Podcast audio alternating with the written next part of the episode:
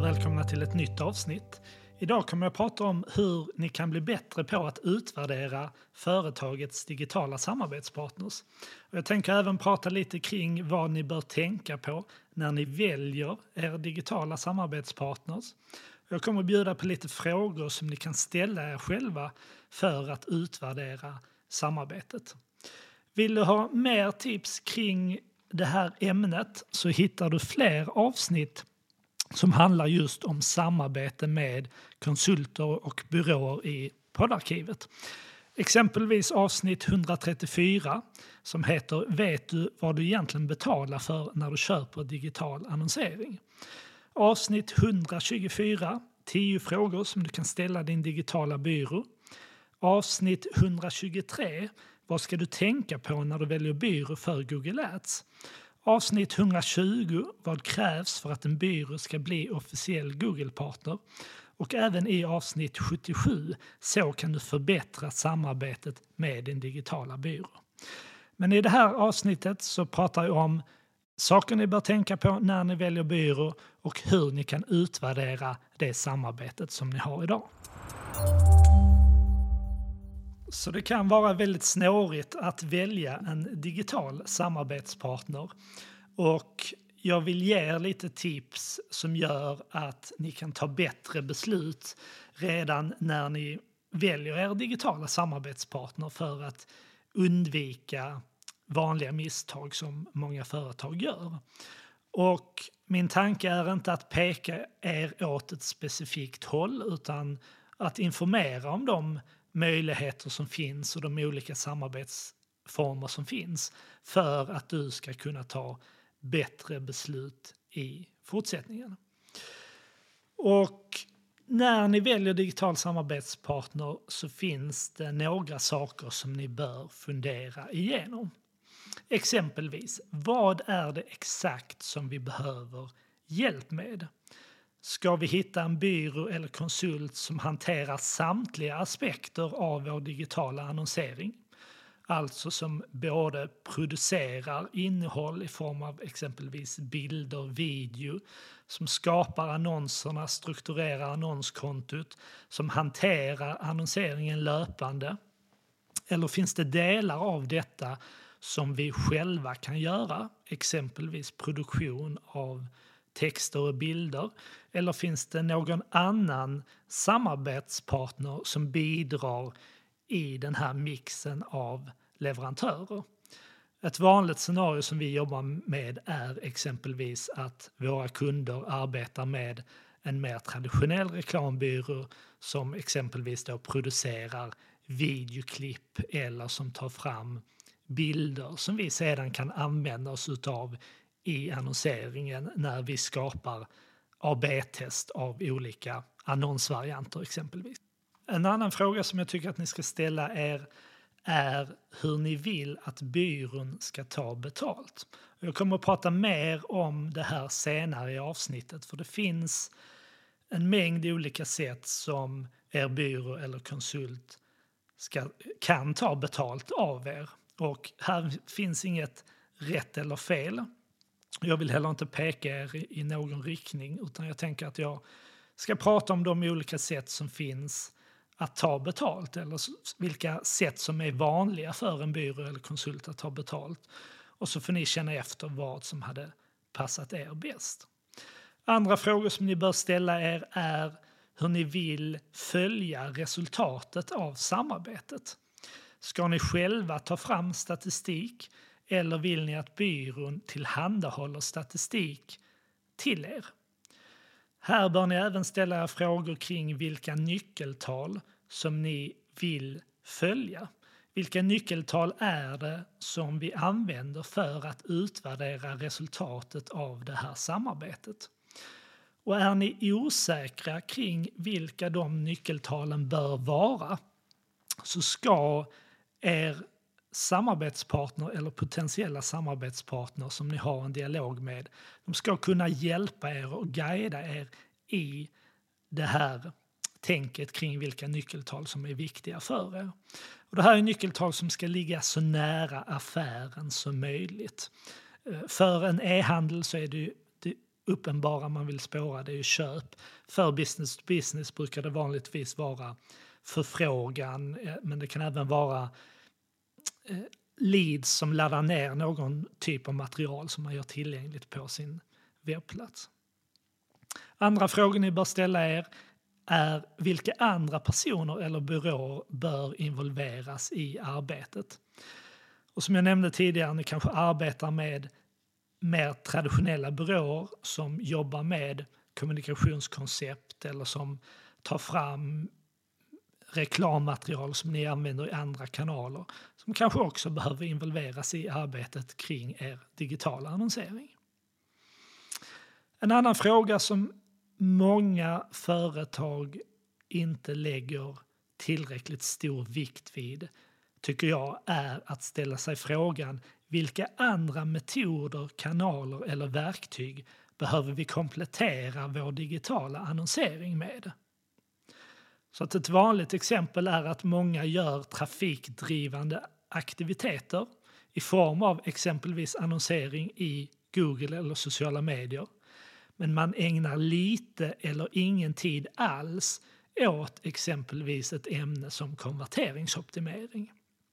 Och det är ju så, ska man få ut så stort resultat som möjligt av sin annonsering så måste man även arbeta med konverteringsoptimering. Alltså hur kan vi öka sannolikheten att de som besöker vår webbplats efter att de har klickat på en annons slutför det mål som vi vill att de ska göra.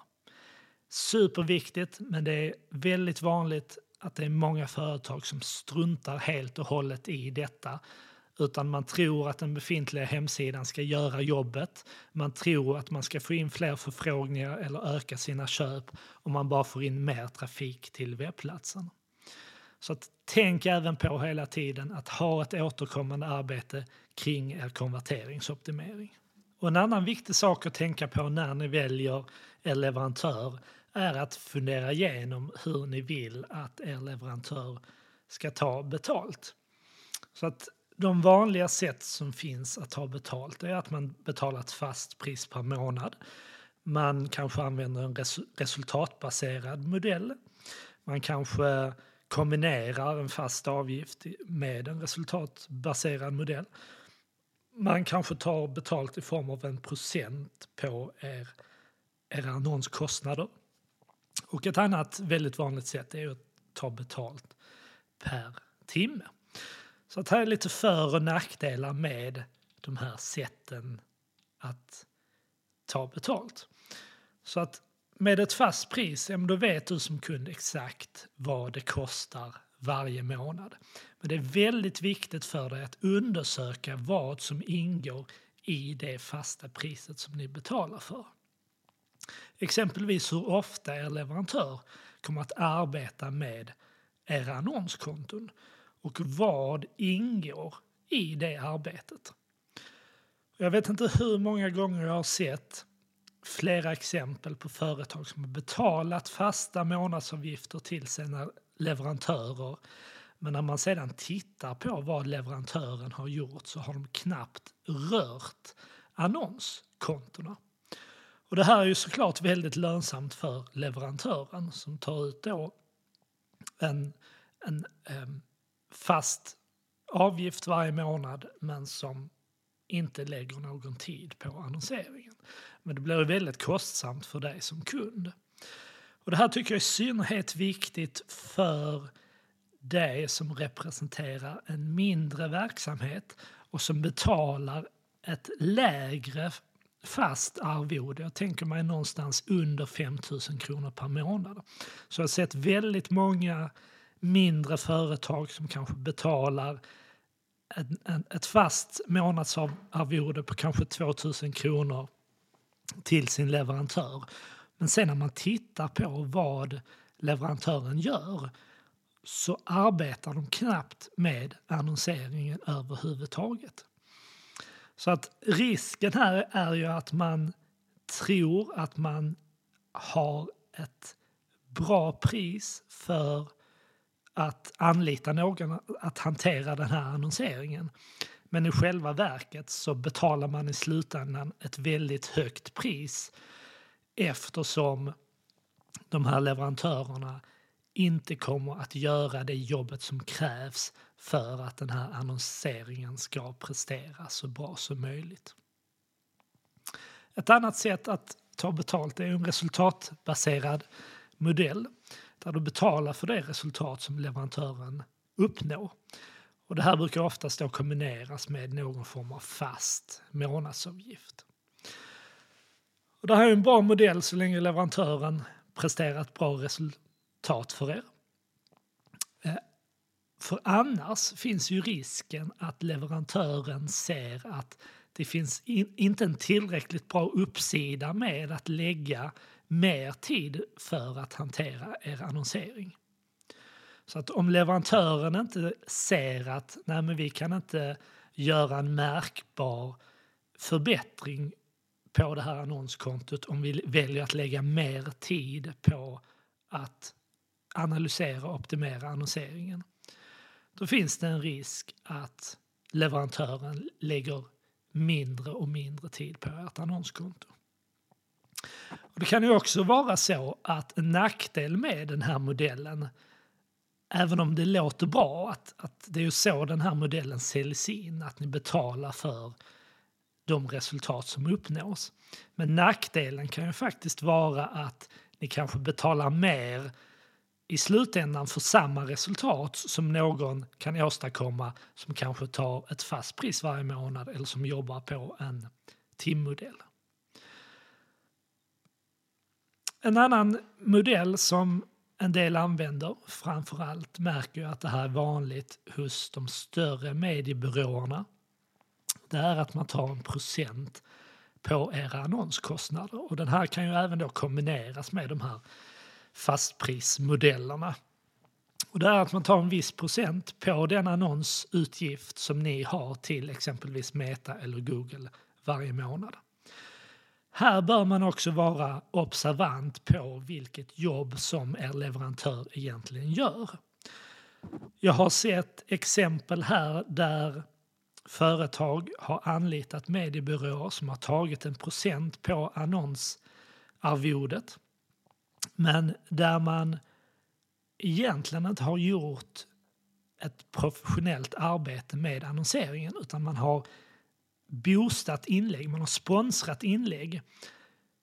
Och det här är en insats som tar, ja vad kan det ta, 5-10 minuter att sponsra ett inlägg.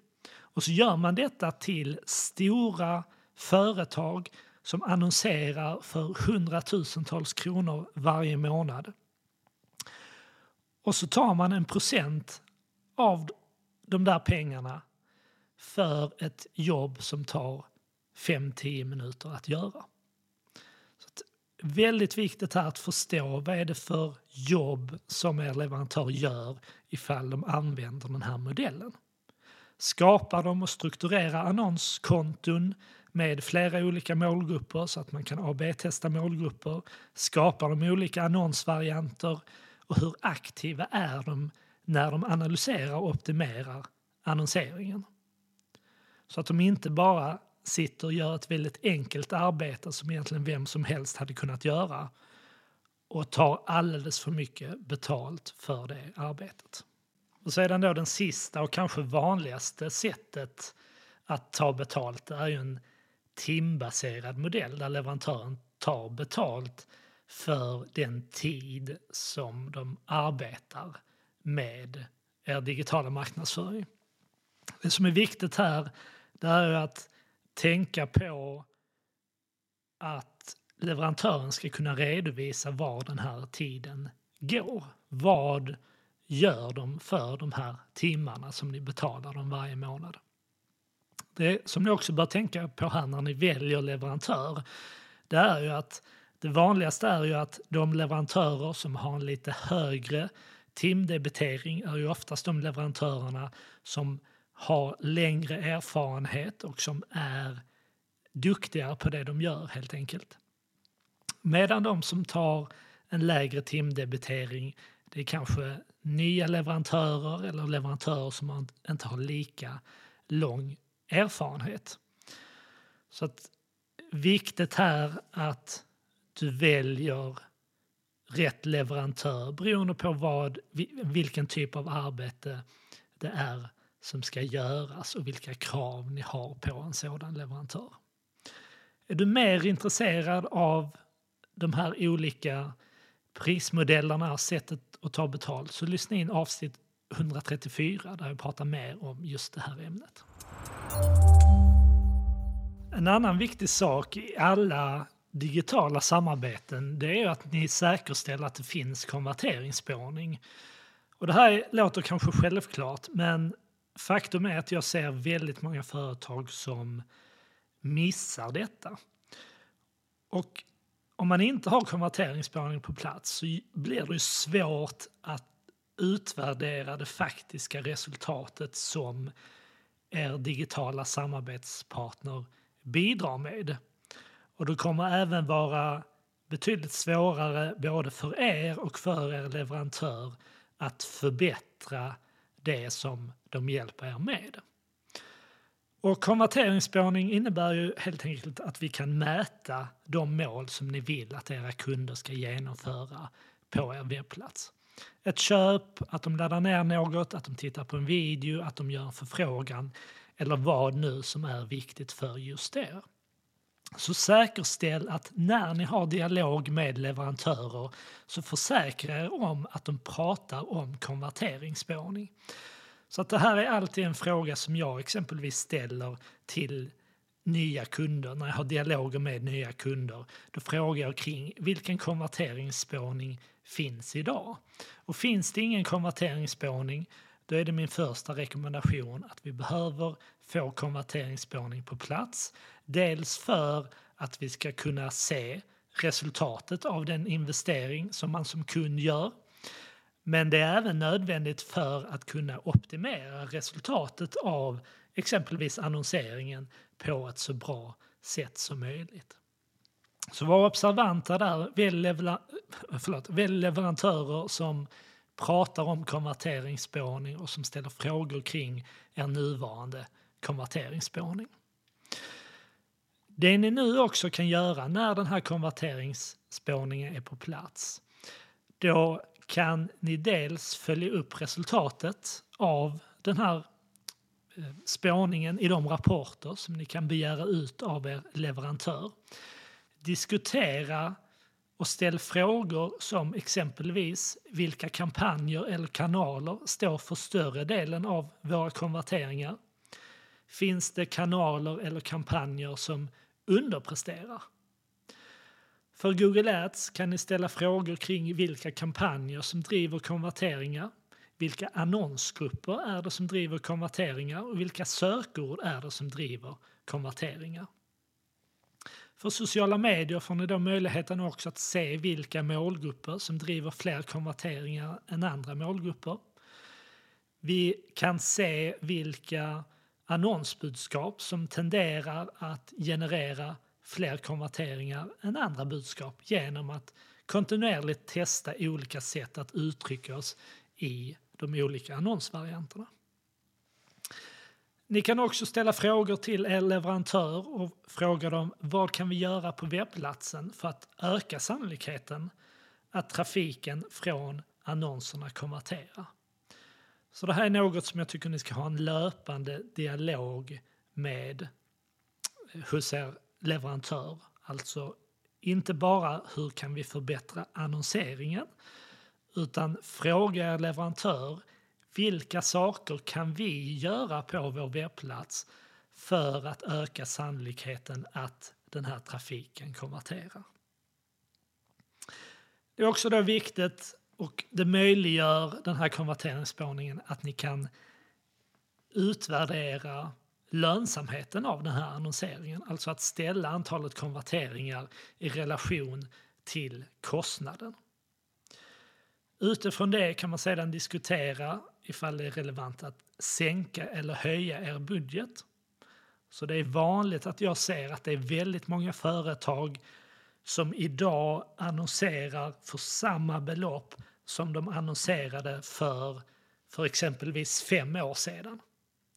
Och då jobbar man inte rätt med sin annonsering utan så länge man har möjlighet att ta emot fler förfrågningar eller fler köp och man kan leverera sin tjänst eller produkt då ska man ju successivt höja sin annonsbudget i takt med att man ser en tillräckligt bra lönsamhet. Så höj er budget successivt och här kan ni även ta hjälp av er leverantör. Ställ frågan till dem.